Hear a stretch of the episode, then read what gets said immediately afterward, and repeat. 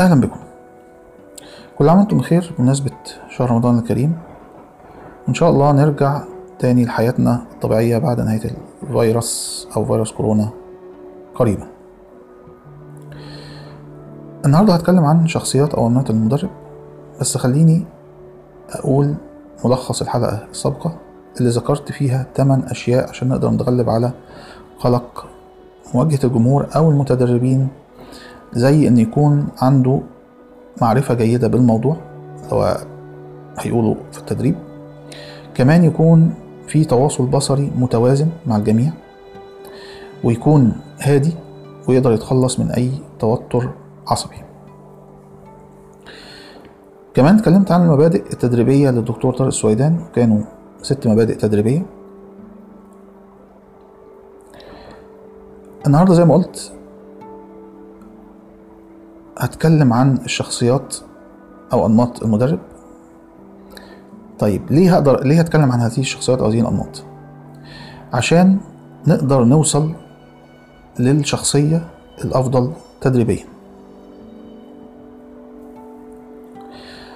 طيب خليني كمان أفكر حضراتكم بمشاركة آرائكم ومقترحاتكم على ال voice message نبتدي بأول نمط أو شخصية وهي المسيطر المبهر يعني إيه؟ يعني بيبقى عنده قدرة عالية على إيجاد أو عمل تفاعل بينه وبين المتدربين من اللحظة الأولى للتدريب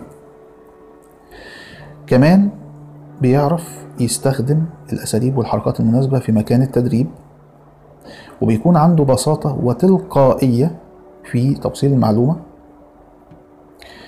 وبيحاول أو بيوصل شعور للمتدرب إنه بيقدر يعتمد عليه وكمان بيكون هذا النمط متفائل ومبتسم.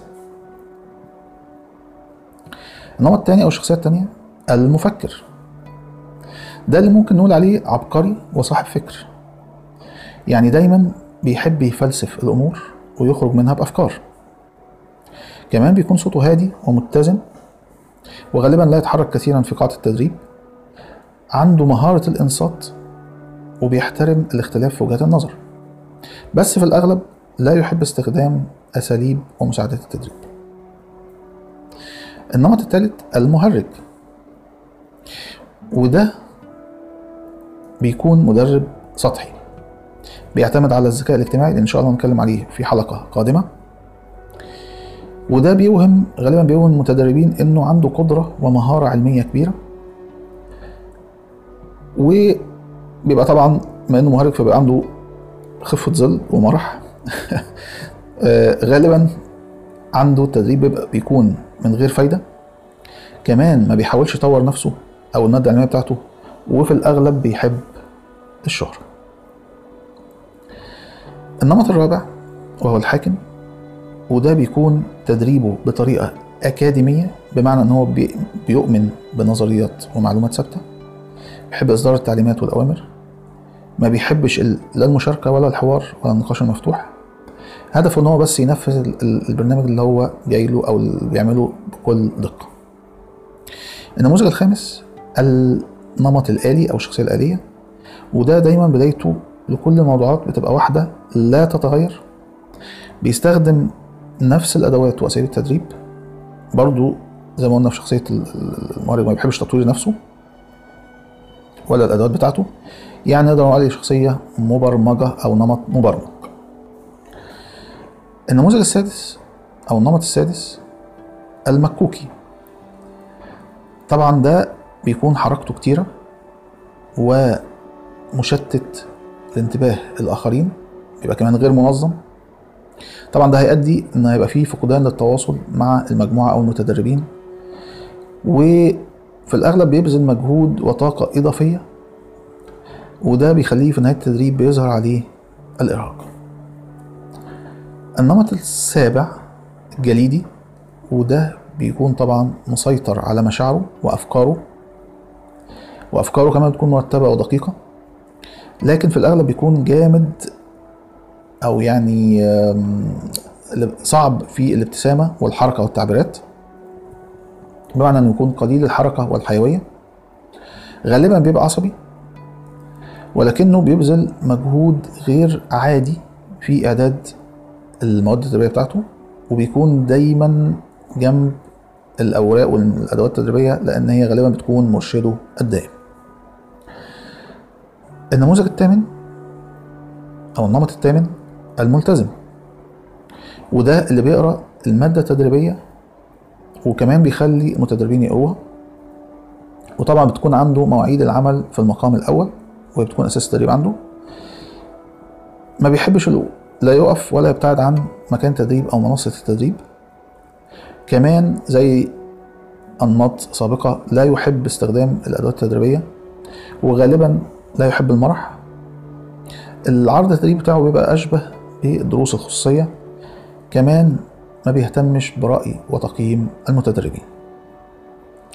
النموذج التاسع أو النمط التاسع الحر. وده اللي دايما بيخرج عن مسار البرنامج التدريبي بتاعه لأشياء فرعية. بيحاول يجذب أو يخلي انتباه المتدربين أو الحضور بعيد عن موضوعات التدريب. بيبقى هدفه إبهار لحظي مش إفادة دائمة. اللي هي بتدي طبعا دعم للمتدربين كمان بيتجاهل أو لا يرى اللي بيقوله أو بيطرحه الآخرون النموذج العاشر أو النمط العاشر قبل الأخير المحبط.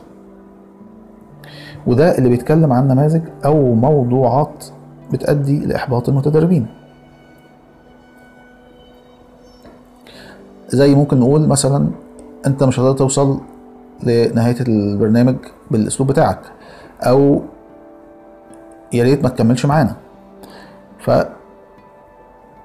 كمان ما بيتقبلش الأفكار النقاشية ولا تبادل الآراء مع الآخرين. وطبعا كده ما بيضيفش جديد للمتدربين.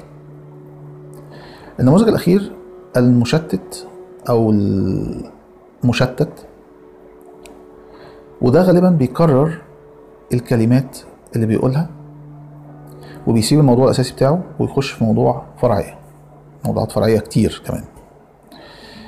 وده بيؤدي طبعا لتشتت أو تشتيت ذهن المتدربين. ما عندوش مهارة التلخيص كمان زي نماذج سابقة ما بيستخدمش المعينات السمعية والبصرية إلا بدرجة قليلة.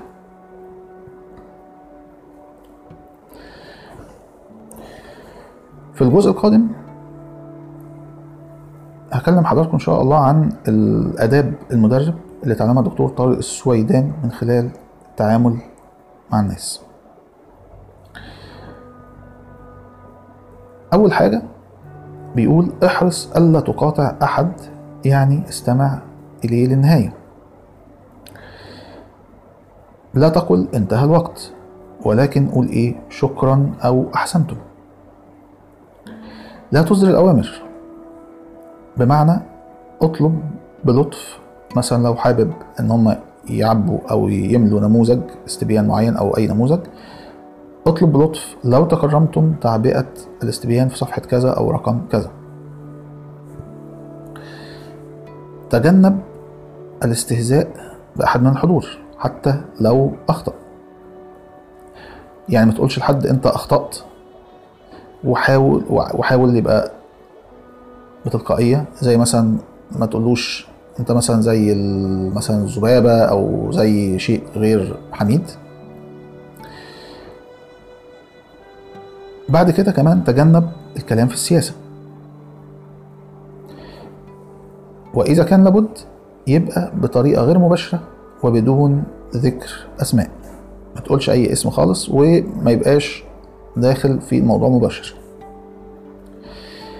كمان لا تتعامل مع الحضور كأنهم في فصل لأن ده تدريب وليس تعليم.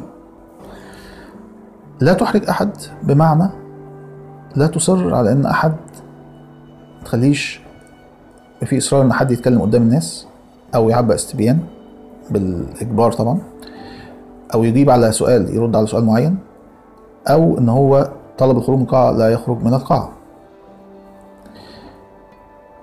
ابتعد عن الحديث كأنك أستاذ لهم.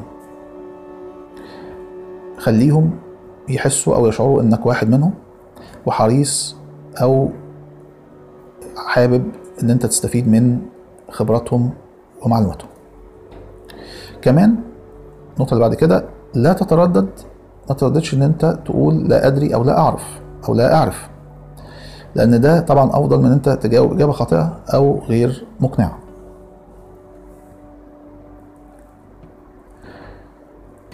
كن انيقا. معنى آه، يعني لبسك آه، أنيق و- وشكلك أنيق لأن الناس ما بتهتمش بالداخل فقط بل كمان بيؤثر عليهم بيتأثروا بالمظهر الخارجي.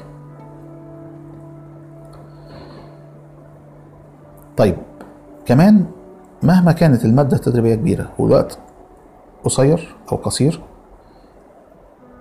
احرص على عدم عرض المادة بسرعة كبيرة لأن الهدف طبعا إن هو يبقى فيه تمكن للحضور من المعلومات والمهارات مش إن أنا بس أنهي كل ما عندي. في نفس الوقت ممكن أعرض الجزء المهم فقط. خالط مستمعيك بمعنى لا تأتي متأخر أو تغادر أو تمشي مبك- مبكرا وفي نفس الوقت كمان فترات الراحة لا تجلس لوحدك. حاول يبقى فيه مشاركة معاهم. كن صبورا. خليك صبور.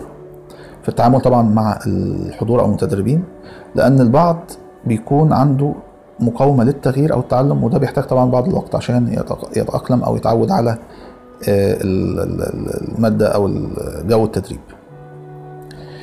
طيب كمان تجنب النكت المتعلقة بقبيلة أو نوع معين من الناس. طبعا دي بتسبب حساسية لبعض الأشخاص. النقطة اللي بعد كده احترم الوقت. بمعنى لا تبدأ متأخر أو لا تؤجل الراحة إلا بعد استشارة ال- ال- الحضور. كمان لا تختصر الوقت إلا بموافقة الحضور أو موافقة جماعية.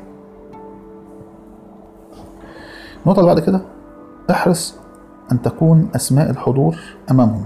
يعني كل واحد اسمه قدامه في المكان اللي جالس فيه. في نفس الوقت حاول إن أنت تحفظها وتستعملها لأن طبعا ده هيساعد على تنمية العلاقة بينك وبينهم. النقطة اللي بعد كده تدخل إذا حاول أحد من الحضور الاستهزاء بآخر. لو حاول أي حد من الحضور يبقى فيه استهزاء أو يعني نوع من أنواع ال- الكلام على الآخر لازم تتدخل لأن ده من المهام بتاعتك. اللي هي حماية الضعيف ومنع المشاكل. وده زي ما قلنا قبل كده في حلقة سابقة إن هو من لازم يكون المدرب عنده مهارات حل المشاكل أو مهارة حل المشاكل. النقطة اللي بعد كده شجع الاندماج والتعارف بين المشاركين. وده زي ما قلنا قبل كده ده برضه من ضمن مهارات أو مهارة التحفيز. النقطة قبل الأخيرة إن انقل أو انقل المشا- المشاكل الفردية للمجموعة وخليهم يشاركوا في حلها بحيث النقاش ما يصبحش شخصي بينك وبين أحد الحضور. النقطة الأخيرة لا تخرج بعد انتهاء الدورة أو الدرس. طبعا مباشرة على طول يعني ما تخرجش بعد ما الدورة أو الدرس يخ- يخلص. ولكن تعمل إيه؟ خصص أو خلي نص ساعة من نص ساعة لساعة طبعا للاستشارات والأسئلة الخاصة بالحضور أو المتدربين. أشكركم ونلتقي الحلقة القادمة.